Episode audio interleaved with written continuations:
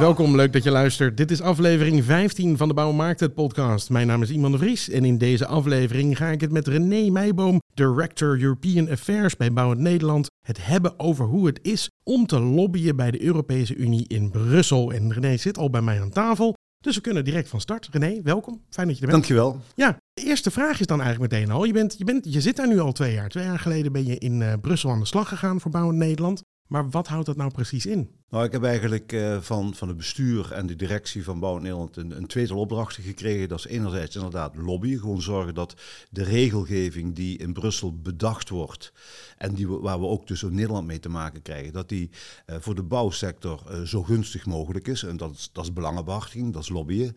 En de tweede, niet minder belangrijke reden dat ik er zit, is ook om, om Nederland zeg maar, op tijd te waarschuwen, een bouwend Nederland, op tijd te waarschuwen voor regelgeving die eraan zit te komen en waar we ons als, als bouwsector goed op moeten voorbereiden.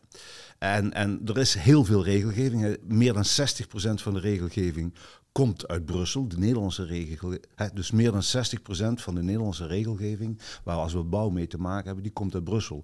Dus er is alle reden voor om te kijken dat we die regelgeving zo gunstig mogelijk beïnvloeden. Dat Punt 1. En 2, dat we regelgeving die, die, eh, ja, waar we voor gewaarschuwd moeten worden, waar we ons op moeten voorbereiden, dat we dat tijdig weten en ons kunnen voorbereiden. Ja, dat klinkt eigenlijk zo urgent dat ik meteen afvraag, waarom pas twee jaar? Ja, eh, dat is een goede vraag en die kunnen we eigenlijk ook niet goed beantwoorden. Ik denk dat dat eigenlijk een, een, een club, toch een professionele club als Bouw Nederland, eh, had, had daar eerder moeten zijn. En dat, dat zegt eigenlijk ook iedereen waarmee ik in Brussel eh, zeg maar in contact kom, zeggen van waarom ben je er nu pas?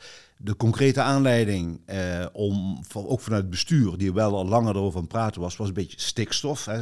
Het hele ellende van stikstof komt uiteindelijk ook uit, uit, voort uit Brusselse wetgeving.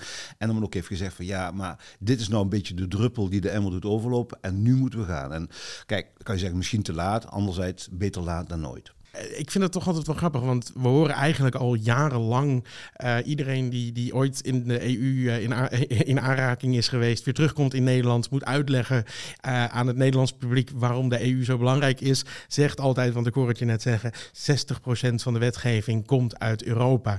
En toch is dat altijd, wordt dat altijd, lijkt het alsof dat elke keer weer wordt vergeten. Hoe kan dat toch?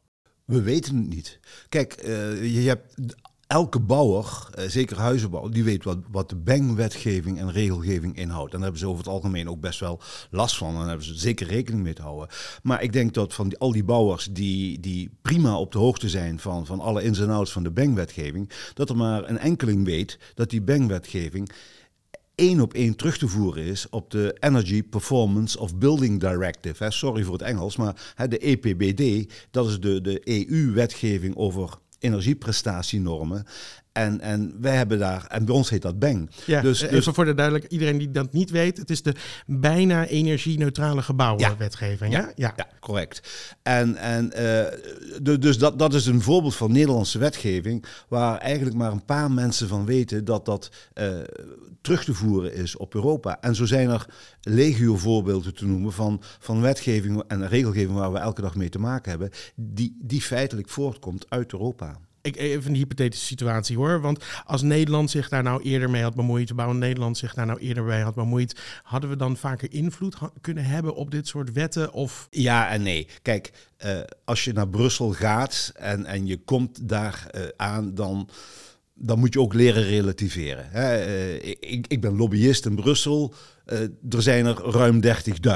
Eh, dus het is ook niet zo van, oh, oh, bouwend Nederland is hier gevestigd, de wereld gaat veranderen. Dus je moet, je moet dat relativeringsvermogen moet je ook hebben. En er zijn, zoals ik zei, dus 30.000 eh, lobbyisten. Er zijn 705 Europarlementsleden. Er zijn ook duizenden ambtenaren die interessant zijn om aan te... Dus... ja, je hebt mogelijkheden, maar wat je vooral in Brussel moet doen is focus, focus, focus. één, twee, drie hooguit gebieden aanwijzen. Daar gaan we onze tijd en onze energie en onze moeite in stoppen om daar iets aan te veranderen. En dan, eh, ja, dan heb je mogelijkheden. En je hoeft het gelukkig ook niet alleen te doen. we hebben ook een Europese koepelorganisatie waar we lid van zijn. Die, eh, die waar wij dus uiteraard als Bouw lid van zijn. En die houdt zich ook bezig met dit soort zaken. En je werkt ook in combinatie met die mensen uh, die ook heel competent zijn. Dus wat dat betreft, ja, je kan beïnvloeden als je goed focust, als je op tijd bent, als je de juiste mensen weet te bereiken. maar je mag en moet dat ook niet overdrijven. Zeggen van nou, ik, ik vertel hun wel eventjes hoe het zit. Zo werkt dat niet. Ja, dus het zijn, uh, ja precies.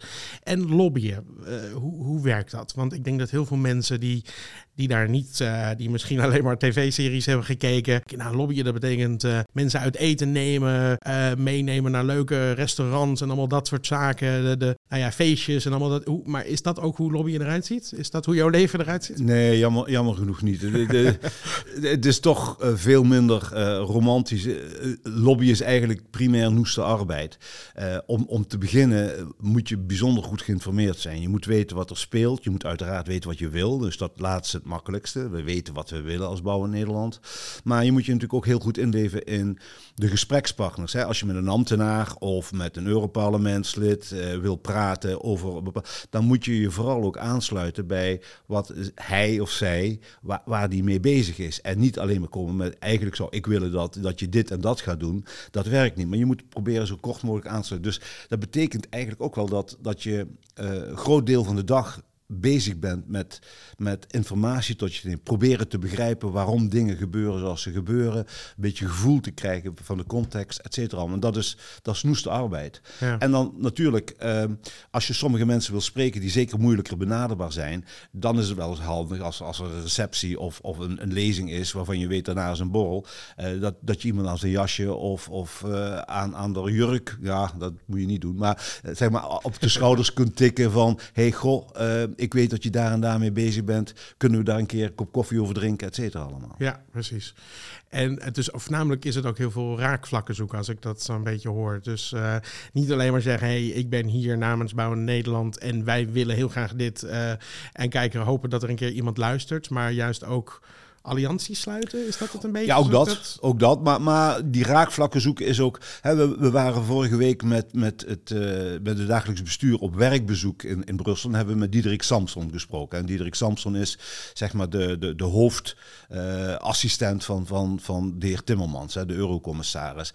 En die zei ook van, je, je realiseert je niet hoeveel lobbyisten naar je toe komen die geen flauw benul hebben van waar wij, waar ik als Diederik Samson mee bezig ben. En een, een, effectieve lobby begint gewoon met mensen die weten waar ik mee bezig ben en die proberen daarbij aan te sluiten. En, en hè, want wij vroegen hem, nou, wat, wat zijn de drie tips die je kunt geven voor te lobbyen? En hij, zei, hij begint daarmee, want uh, ik, ik, ik word er helemaal gek van. de comedy mensen, die hebben nauwelijks verstand van wat er op dat moment speelt. En die denken gewoon eventjes dat ze hun twee of drie punten bij mij achter kunnen laten en dat ik aan de slag ga mooi niet. Dus dat is heel belangrijk om, om, je, om die, die raakvlakken te vinden met je gesprekspartner. Uh, allianties sluiten, ja. Wij als Bouw Nederland hebben bijvoorbeeld gezegd van Nederland is relatief klein. Dus wij, wij willen ook vooral in de bouwsector uh, nauw samenwerken met onze Duitse en Franse collega's. Dat zijn de twee grootste landen immers, die zijn het machtigst. En als we het met hun eens zijn, en dat blijkt met de Duitsers heel vaak zo te zijn, dan zijn we natuurlijk veel sterker als we samen met die Duitsers optrekken. De Scandinaviërs, die zitten ook vaak op onze lijn van, van, van inhoud. Maar die zijn wel veel kleiner. Hè? En dan kan je zeggen we zijn het inhoudelijk wel eens, maar uh, die helpen weer wat minder om, uh, om, om zeg maar aantal stemmen uh, te, ja, te verwerven. En dan kunnen die Duitsers met hun stemmenmacht die ze hebben, kunnen veel beter behelpen. Dus die allianties vormen, dat, dat, dat, daar zijn we ook actief mee bezig. Ja, en nog heel even terug, want ik hoorde je zeggen die tips van uh, Diederik Samson. Maar uh, even voor iedereen die uh, nu denkt, nou, ik zou ooit wel lobbyist willen worden. Wat zijn de andere, wat zijn de andere twee tips? Um, weten waar je het over hebt? Ja, volgens mij wa- wa- was, noemde hij dit 1, 2 en 3. Oh, dat De, de, dus, want eh, eerlijk gezegd, als hij nog andere heeft genoemd, dan heb ik niet goed opgelet, want die kan ik niet meer herinneren. Heel goed, heel goed. Oké. Eh, en werk je daar alleen of heb je daar ook nog een team zitten? Of, of... Nou, kijk, kijk ik, heb, ik heb hier in Zoetermeer, eh, hè, waar we dit opnemen, heb ik 120 collega's. Eh, en die, en dat is, ook een beetje een opdracht, die probeer ik op, op, op hun dossiers eh, zoveel mogelijk bij, bij het werk in Brussel te betrekken. Dus ik zit alleen in Brussel. Ehm, zij het dus dat ik bij onze koepel in Europa collega's heb. En dat ik collega's heb van, eh, van de Duitse, Franse, eh, Deense, Zweedse eh, bouwend brancheverenigingen.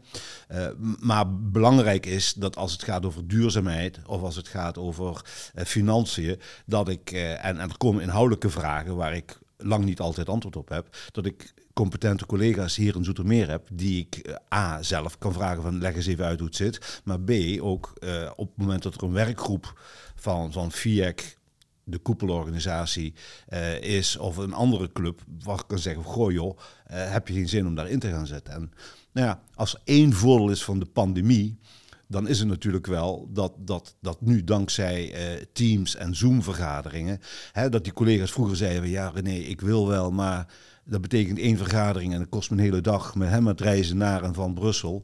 Eh, dat je nu, dankzij het feit dat we veel beter virtueel kunnen vergaderen, dat, dat, dat je die collega's makkelijker bij dit hele lobbyproces in Brussel kunt betrekken. Ja, precies. En denk je dat het aannemelijk is dat, eh, nou ja, jij nu in je eentje daar zit, dat dat, eh, dat dat nog uit gaat groeien? Dat er meer mensen bij komen? Of zou je dat willen misschien? Ja, dat weet ik niet. Kijk, het, het, het, het is ook zo dat als je meer mensen wil niet zeggen dat je, je lobby automatisch beter is. Eh, kijk, we hebben samen met de Duitsers, hè, we, hebben nadrukkelijk met, met de Duitse bestuurders gesproken. Hè, Maxime en Vries waren daar ook bij. En daar hebben we wel gezegd dat ook gezien die 60% regelgeving in Nederland die uit Brussel komt, dat we hebben gezegd we zullen de, de, de, de, de EU-lobby, de Brusselse bouwlobby, zullen we moeten versterken. En dat moet je primair doen via onze koepel. En, en wij zijn dus vooral bezig in gesprek van hoe kunnen we die koepel versterken. En niet zozeer van we moeten in plaats van één meneer uit, vanuit Bouw Nederland eh, dadelijk eh, twee of drie mensen hebben of eh, whatever. Nee, maar je moet vooral denk ik die Europese koepel en die Europese zaken, daar moet je versterkingen zoeken. En daar, eh, nou ja, daar zijn we druk mee. Daar zijn we druk mee, ja precies. Ehm, en het imago van eh, de EU. Ik denk, eh, nou ja, Nederland staat niet per se... We zijn niet heel erg anti-EU, maar we zijn er ook niet heel erg gelukkig mee... als je de meeste mensen zal vragen. Hoe, hoe kan het dat dat imago van de EU toch niet, nou ja, niet al te best is? Ja, dat, dat een terechte vraag. Eh, het heeft natuurlijk ook een beetje te maken met, met de framing van, van, van eh, de bewindslieden. Hè? De, de, de ministers en de minister-president die, die toch vaak wat, wat, wat badinerende toon aanslaan over, eh, over Europa. En als er iets vervelends gebeurt, te zeggen, ja, ja, we vinden het niet leuk, maar het mot van Europa. Ehm, en, en, en natuurlijk ook toch wel het, het adagium van... hey, wij zijn netto betaler. Hè? Eh, Wij, wij betalen meer aan Brussel dan dat we eruit terugkrijgen. En dat is een verhaal dat gaat eigenlijk alleen maar u- over contributie en, en subsidies. En dan zijn we inderdaad een netto betaler. Maar daar wordt dus vergeten, en dat is ook een oud verhaal... daar wordt dus vergeten dat, dat wij als, als open handelsland, Nederland... eh, eh, onevenredig groot gebruik maken van het feit dat er een vrij verkeer van mensen en goederen in Europa is. En wij hebben daar veel meer voordelen van dan pak een beet Roemenië. Roemenië krijgt meer subsidies dan dat het betaalt aan contributie, dus is een netto ontvanger. Maar wat wij via onze handelsrelaties eh, en het, het, het, het, het- dus het verkeer van, van ook van mensen Ja. eh, verdienen, dat is een veelvoud van, van, van de contributie die we betalen. En dat wordt vaak in het rekensommetje niet meegenomen. Nee, oké, precies. Maar er wordt wel heel vaak mee gezegd, ja, weet je, Brussel, daar gaat er alleen maar heel veel geld in om. En het is een, het is een ja, geldslurpende machine en we hebben er niks aan, inderdaad. Ja, nou, ja, ja, daar gaat veel geld in om. En natuurlijk wordt ook altijd het feit gebruikt van dat er één keer per, eh, maand een, een verhuiscircus naar Straatsburg is. Eh, en dat is waar. Het is ook zeker niet dat alles wat in Brussel gebeurt goed is of verstandig is eh, en, en zinvol is. Er zijn idiote dingen zoals die verhuis. Eh, toestand, die verhuisbeweging naar Straatsburg elke maand.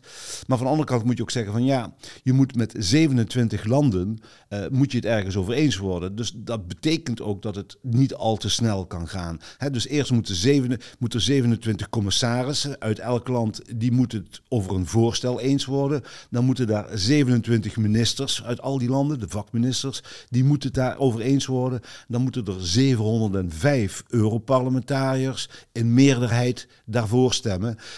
Dus het, het is eigenlijk kan je zeggen van hoe geweldig knap is het wel niet dat we al zover zijn als dat we zijn met Europa. Ja, precies. Het is eigenlijk een soort van, het is bijna inherent aan zo'n complexe organisatie dat er ook, ja, helaas wat verspilling en, en overdaad hier en daar uh, misschien, uh, de, ik bedoel, zo'n verhuizing, dat is moeilijk uit te leggen aan mensen inderdaad. Uh, Klopt. Maar het heeft misschien zijn nut. Ik, ik kan hem niet 1, 2, 3 vertellen. Nou, maar... je moet naar het grotere plaatje krijgen. En kijk, kijk naar alle verworvenheden, hè, over ook het, het vrije reizen wat we hebben de, de feit dat we de euro hebben, dat we als we in Italië zitten te uh, internetten via 4G, dat we uh, dezelfde prijs betalen als, als als we in Nederland betalen. Dus dat zijn ook allemaal privéverworvenheden die je als toerist hebt. Ben ik zeker nog heel dankbaar dus voor. Ja, je, je, je moet, ja. ja.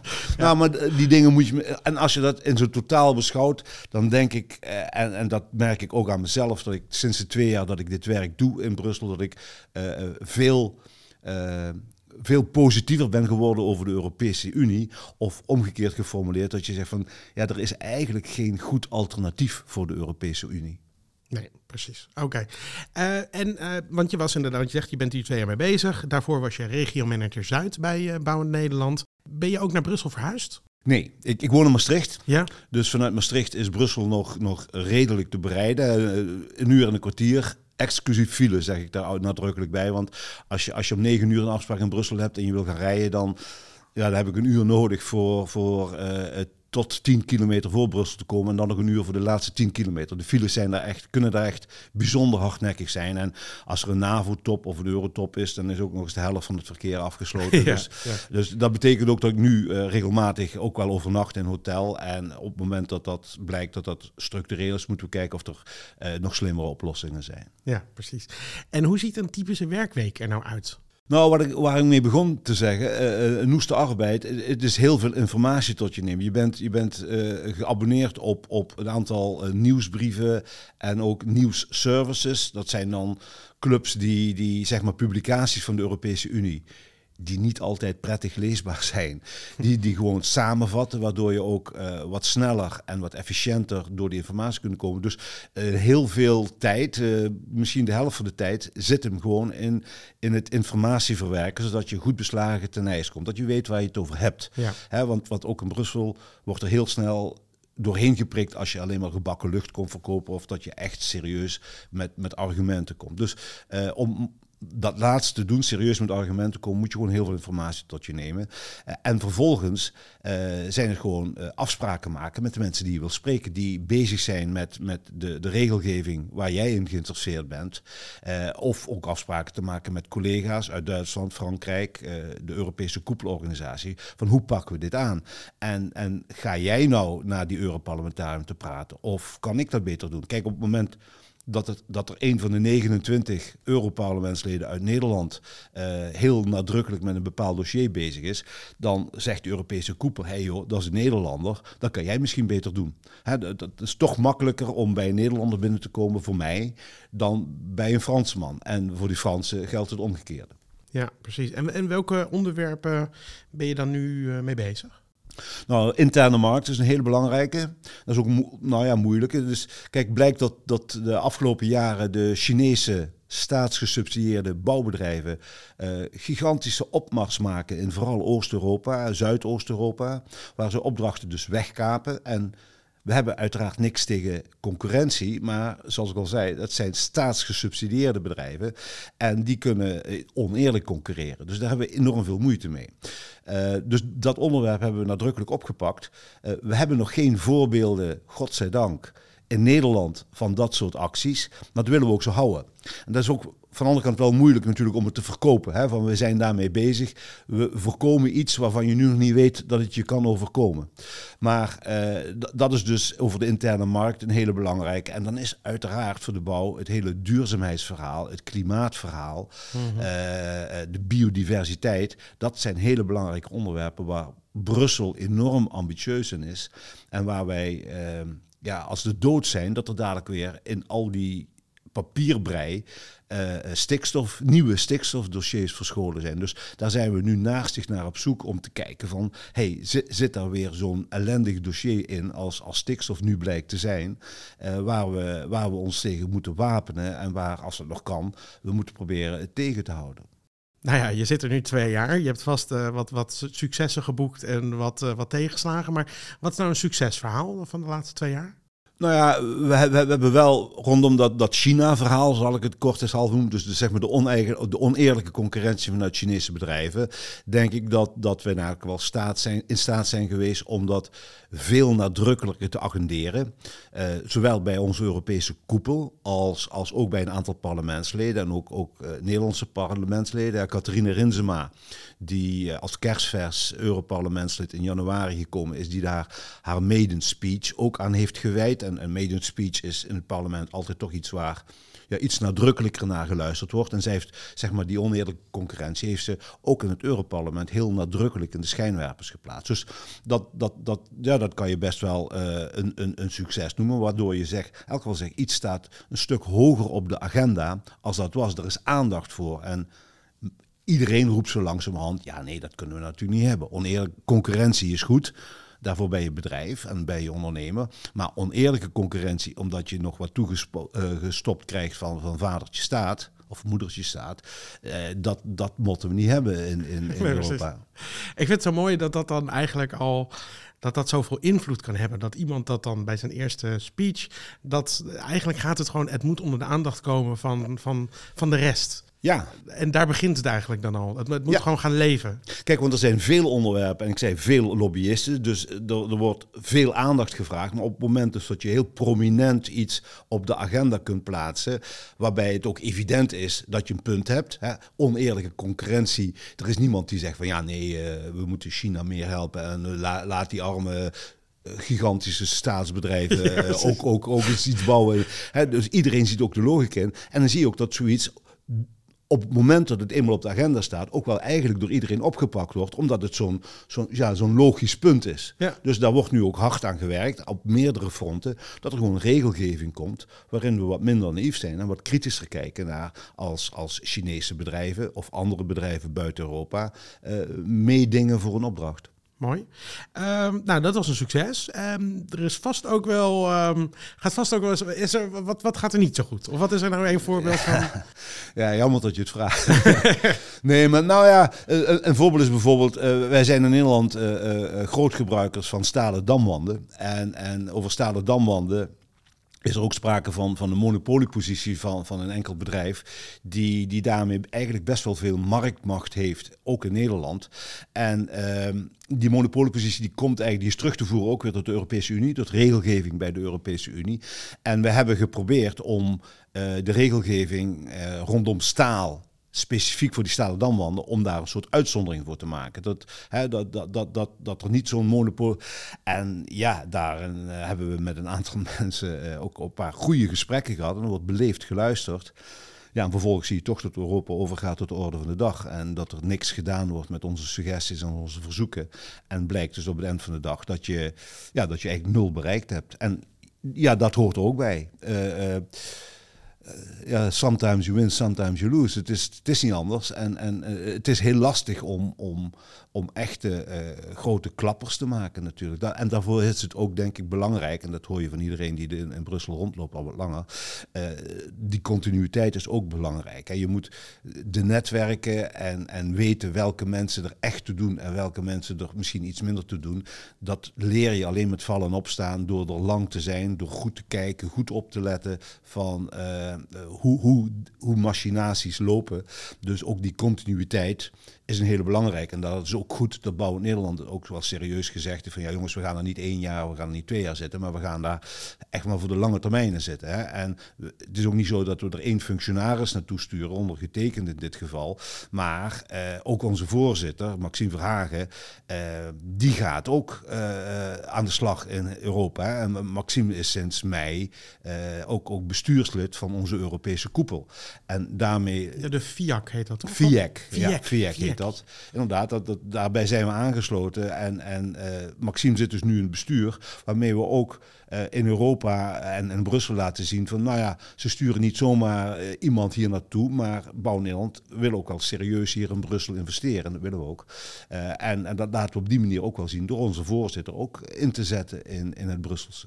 Een onderwerp waar we het eh, nou, behoorlijk wat afleveringen over hebben gehad. De stikstofcrisis. Je had het er net al over. Wat zijn, is dat iets wat echt Nederland bezighoudt voornamelijk? Want, of is het ook in onze buurlanden zo'n groot item? Het is vooral Nederland. Persoonlijk denk ik ook dat het gewoon een kwestie is dat we in Nederland voorop lopen. Eh, en dat heeft te maken met het feit dat we, dat we een relatief klein land zijn met heel intensieve eh, eh, landbouw, veeteelt. Ja. Hè, en we zitten allemaal wat korter op elkaar. En, en de me- de me- eigenlijk alle andere landen die, die hebben veel meer ruimte. Je ziet nu in België ook wel een aantal problemen met stikstof, vergelijkbare problemen met stikstof komen. Nog iets minder in, in de bouwsector. En je ziet in andere Italië bijvoorbeeld heeft ook een probleem met stikstof. Maar mijn collega's daar zeggen, ja, dat is zeker een probleem voor de landbouw.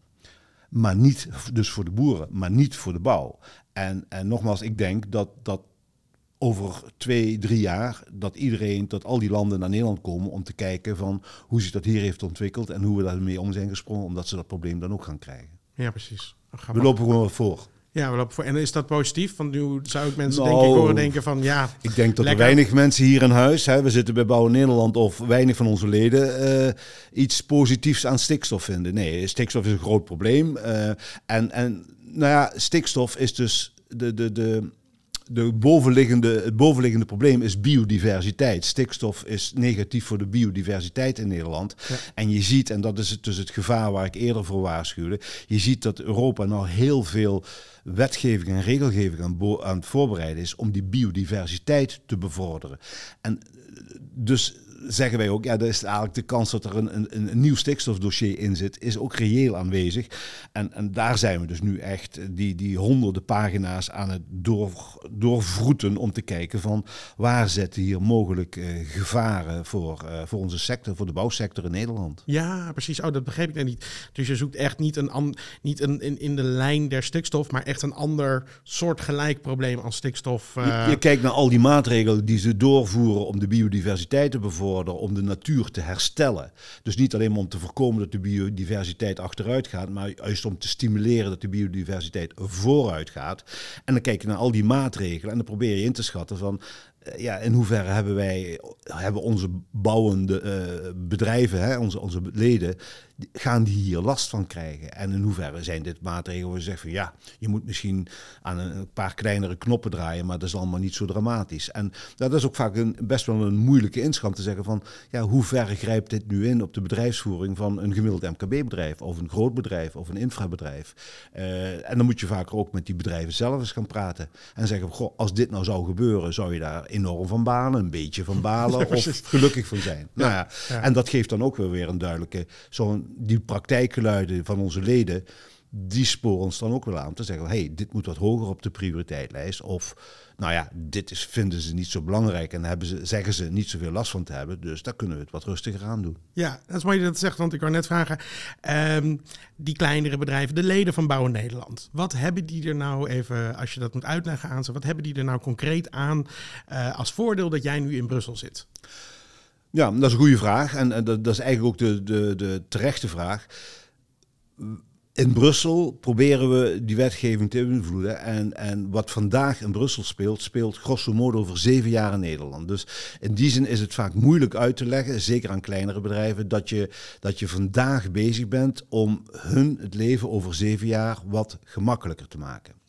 Dus, maar daar zit een voordeel in. Hè? Dat, dat, als we zeven jaar geleden de EPBD eh, misschien wat handiger hadden kunnen beïnvloeden, dan was de huidige BANG, bijna energie-neutraal gebouwd, wetgeving eh, misschien wat bouwvriendelijker geweest. En zo proberen we het nu ook voor, voor, voor over zeven jaar te doen. Maar het is natuurlijk voor het gemiddelde bedrijf lastig om, om uit te leggen oh, dat zich nu al druk, moeten ze ook vooral niet doen, druk maken over iets wat over zeven jaar gebeurt. Maar ik denk dat het is de rol en de taak van Bouw Nederland juist om wat verder te kijken en die zeven jaar wel proberen te overzien. Maar dat is ook het ondankbare van zeg maar mijn verkoopverhaal. Het, het meer directe is natuurlijk wel dat je ze kunt waarschuwen voor regelgeving die op wat kortere termijn staat aan te komen en zegt van bereid je voor, dat staat er aan te komen. Hè. Dat, dat, dat zijn over taxonomie, over allerlei eh, maatschappelijk verantwoorde uh, wat, zeg maar zaken op gebied van maatschappelijke verantwoordelijkheid van bedrijven.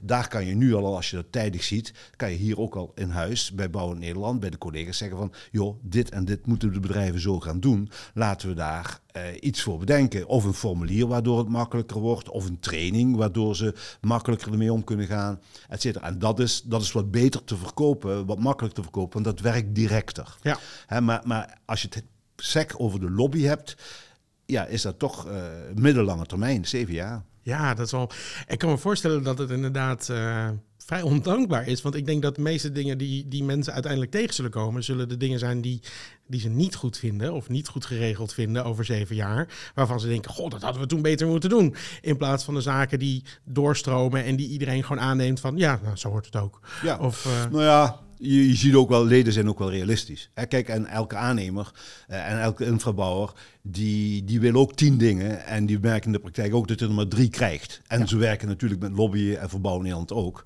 Uh, het, het, het, mooie uh, is natuurlijk wel dat, dat we gewoon een gezonde vereniging hebben met, met een slim bestuur. Die ook wel zien dat we, dat we nu actief moeten zijn met dingen die over zeven jaar spelen. En dat, het niet zo, dat, dat zij niet gaan van, nou ja, wat hebben we er volgende week aan? Oh, niks, dat hoeven we niet te doen. Nee, het, het, het bestuur uh, ziet donders goed dat het verstandig en zinvol is om, om te investeren in die toekomst en, en ja, die zeven jaar te overbruggen uh, met dingen te doen. En ja, dat is soms wat minder zichtbaar.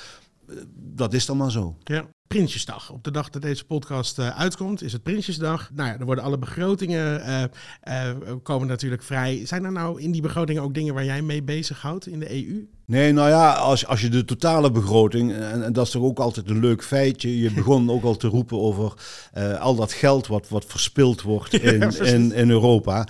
Hè, dat je je goed moet realiseren dat de begroting, de jaarlijkse begroting van de Europese Unie, is de helft van die van Nederland. Hè. Nederland heeft een begroting, weet ik veel, wat het precies zal zijn, 360, 370, 380 miljard. En, en de Brusselse jaarlijkse begroting is de helft daarvan. En, en dat is iets, ik gebruik dat vaak in, in uh, uh, presentaties die ik hou over de Europese Unie, waarmee ik dan begin. Dat ik dan vraag van, goh, hè, als Nederland nou een begroting van 360 miljard heeft, uh, hoe groot denk je wel niet dat die van Europa is? En ja, zonder enige uitzondering roept iedereen een veelvoud van, van de Nederlandse begroting, terwijl het de helft is. Ja. En dat is zoiets dat, dat, dat ook, uh, ja, dat hoort bij de, alle vooroordelen die er bestaan over, over Brussel.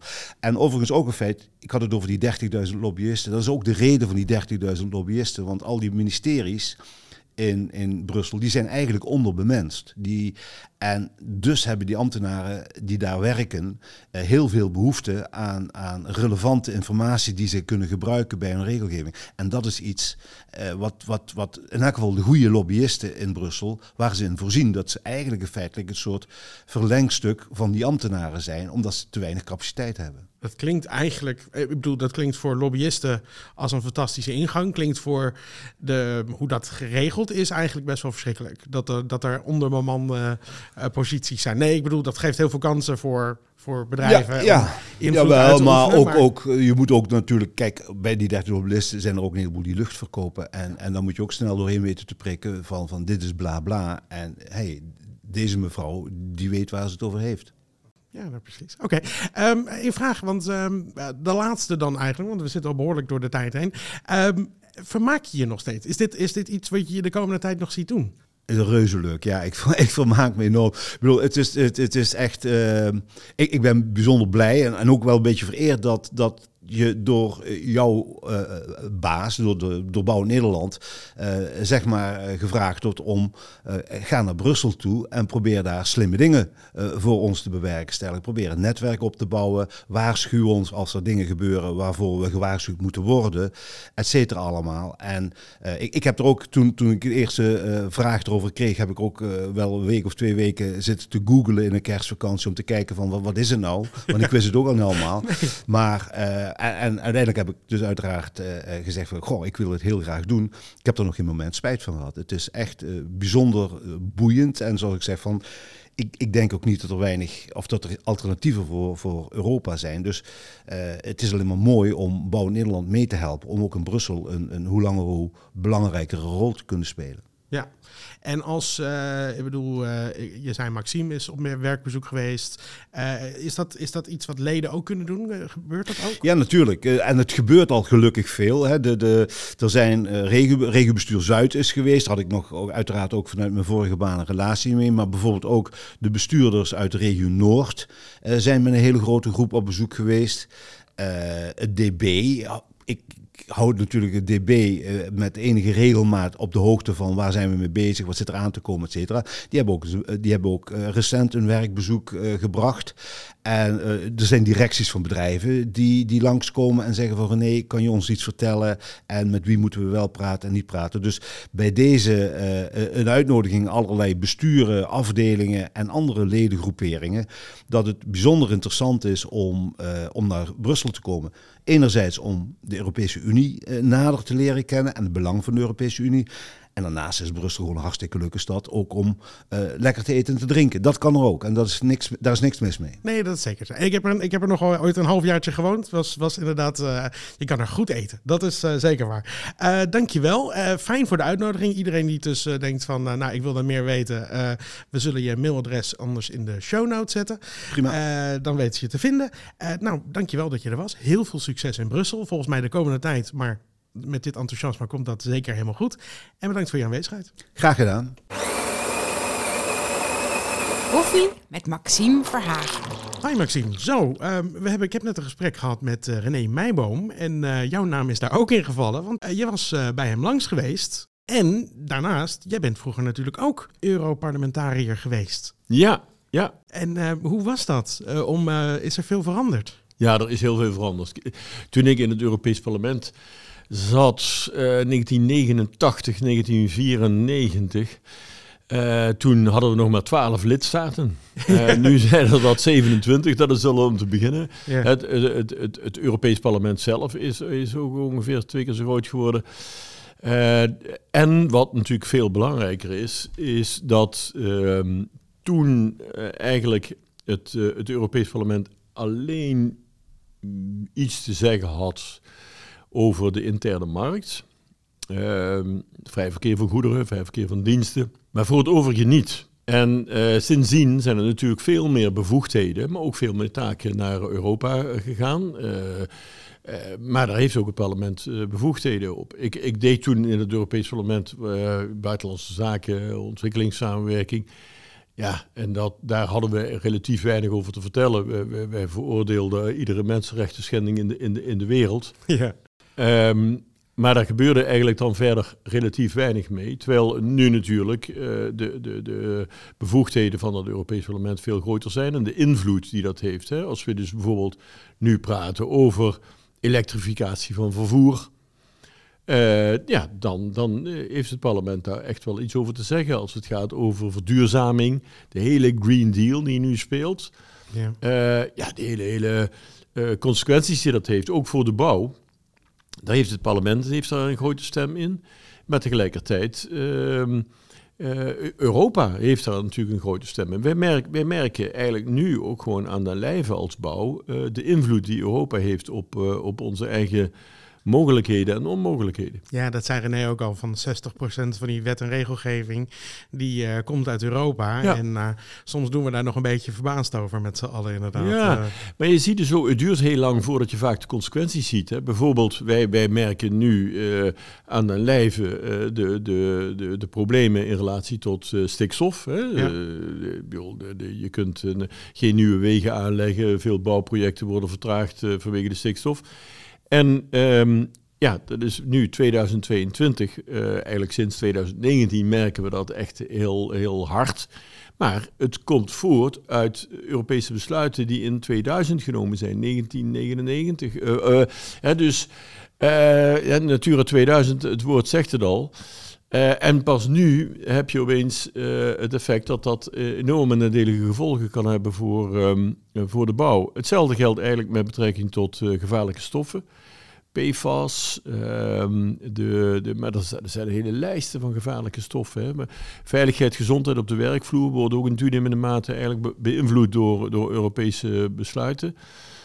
Ehm, ja, dus wat dat betreft is het zaak om, ja, om, om toch meer eh, in de gaten te hebben wat er in Europa gebeurt. Vandaar dat wij ook als Bouw in Nederland gezegd hebben, wij eh, vaardigen naast eh, de, de, de, Europese koepel van werkgevers in de bouw, die, die daar onze belangen behartigen, eh vaardigen we ook nog iemand vanuit Bouw in Nederland specifiek af naar Brussel. Nou, dat is dus René Bijboom.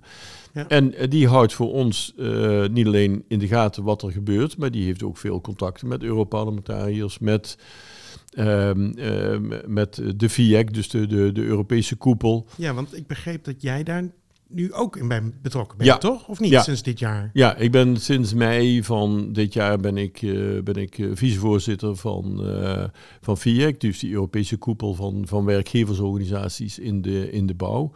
Ik bemoei me daar, eh, ik ben daar ook, ook, ook eh, niet alleen vicevoorzitter van het algemeen bestuur, maar ik ben ook voorzitter van de commissie Sociale Zaken. Eh, dus alles wat relateert aan, aan bijvoorbeeld eh, gelijke lonen voor, voor hetzelfde werk, et cetera, binnen, binnen een land. Hè, als er dus ook arbeidsmigratie plaatsvindt, van hoe ga je om met arbeidsmigratie. Eh, dat, dat zijn dus ook allemaal Europese regels. Ehm, hè, detacheringsrichtlijn. Ja. Dat zijn allemaal zaken waar ik me dan eh, specifiek mee bezig hou. En is, zeg ik het dan goed als, tenminste, als ik dat een beetje moet, voor mezelf duidelijk moet hebben, dan je hebt Bouw Nederland eh, en dat soort gelijke organisaties, die heb je door heel Europa, bij elk land. En eigenlijk eh, komen die samen dan in de, de FIEC als een soort Europese Unie voor de bouw. Ja, dus eigenlijk een, een, een, een, een bouwend Europa. Een bouwend Eh, Europa, eh, eh, Nederland, bouwend Europa.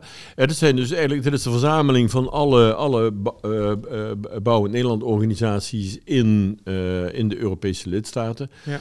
En ehm, nou ja, die, die, die, die, wij lopen ook gewoon aan. Hè, bijvoorbeeld, eh, eh, hoe ga je om met, met, met, met ehm, eh, concurrentievervalsing, bijvoorbeeld vanuit Chinese bedrijven? Ja, hoe, ga je om, hoe ga je om met corona? Maar bijvoorbeeld ook zaken als destijds het, ehm, het Juncker-fonds, waarmee infrastructurele werken werden aangelegd. Ja, daar heb je natuurlijk dan allemaal mee te maken. En dus probeer je ook een gezamenlijke lobby voor op te zetten. En binnen dat algemeen bestuur, ja, daar bespreken we dus ook niet alleen, eh, zeg maar, eh, hoe gaan we om met bijvoorbeeld zo'n EU Recovery Fund, hè, dat groeifonds eh, vanuit, vanuit Europa om de coronagevolgen op te volgen. ehm, of op te vangen. ehm, maar ook de, de, de Green Deal, waar we natuurlijk ook net recent met, met Samson over gesproken hebben.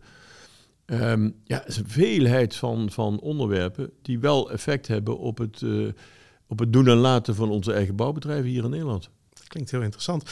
En, en als je nou trouwens, want je was dan in de, eh jij was het eh, 89 was het inderdaad, en je bent er nu, eh, eh, gaan je handen dan een beetje jeuken? Denk je van, oh, dit is wel, het, het lijkt me zo'n verschil van dag en nacht, zoveel groter, zoveel dingen. Denk je van, oh, dat had ik wel, had ik wel heel interessant gevonden. Of, Ik had dat misschien wel interessant gevonden, maar het, was toen ook een hele interessante tijd, zal ik je zeggen, want de hele wereld stond op zijn kop. Hè. Ik bedoel, de muur viel. ja, Eh, eh, dus de, de, de hele, hele Sovjet-Unie die in elkaar stortte. eh, de Mandela die vrijkwam. Het einde van de apartheid in, in Zuid-Afrika. Oslo-akkoorden. Ja, ik wil. Het, eh, de, de, het werken van de interne markt. Hè. Eh, in 1991 is natuurlijk de interne markt eigenlijk tot stand gekomen. Dus vandaar dat dat, dat eigenlijk ook een heel groot deel van het werk toen was. Maar, ik bedoel, we, we, we- we kunnen. We kunnen ons nu maar niet meer indenken dat er geen Europese interne markt is. Hè? Het vrij verkeer van goederen, personen en diensten. Eh, ja, dat, was, dat is toen tot stand gekomen. Dus ja, er zijn nu ook uiteraard buitengewoon belangrijke en interessante onderwerpen. Maar het was toen ook ongelooflijke historische veranderingen die plaatsvonden. Nou, ik wou zeggen, dat, dat rijtje klonk daadwerkelijk wel als een indrukwekkende en interessante tijd, inderdaad. Oké, Ja, ja, ja, ja. ja. tof. Eh, dankjewel, we zijn er weer. We zitten, we zitten, je zit nu een keer aan het einde van de podcast. eh, eh, dus, Heel mooi. Een andere plek, maar zoals altijd heel erg bedankt voor je verhaal. Voor iedereen die nu aan het luisteren is, wil je geen aflevering missen, vergeet dan niet even op de volgknop te drukken op Spotify of te abonneren op Apple Podcast. Ook bedankt voor het luisteren en tot over twee weken. De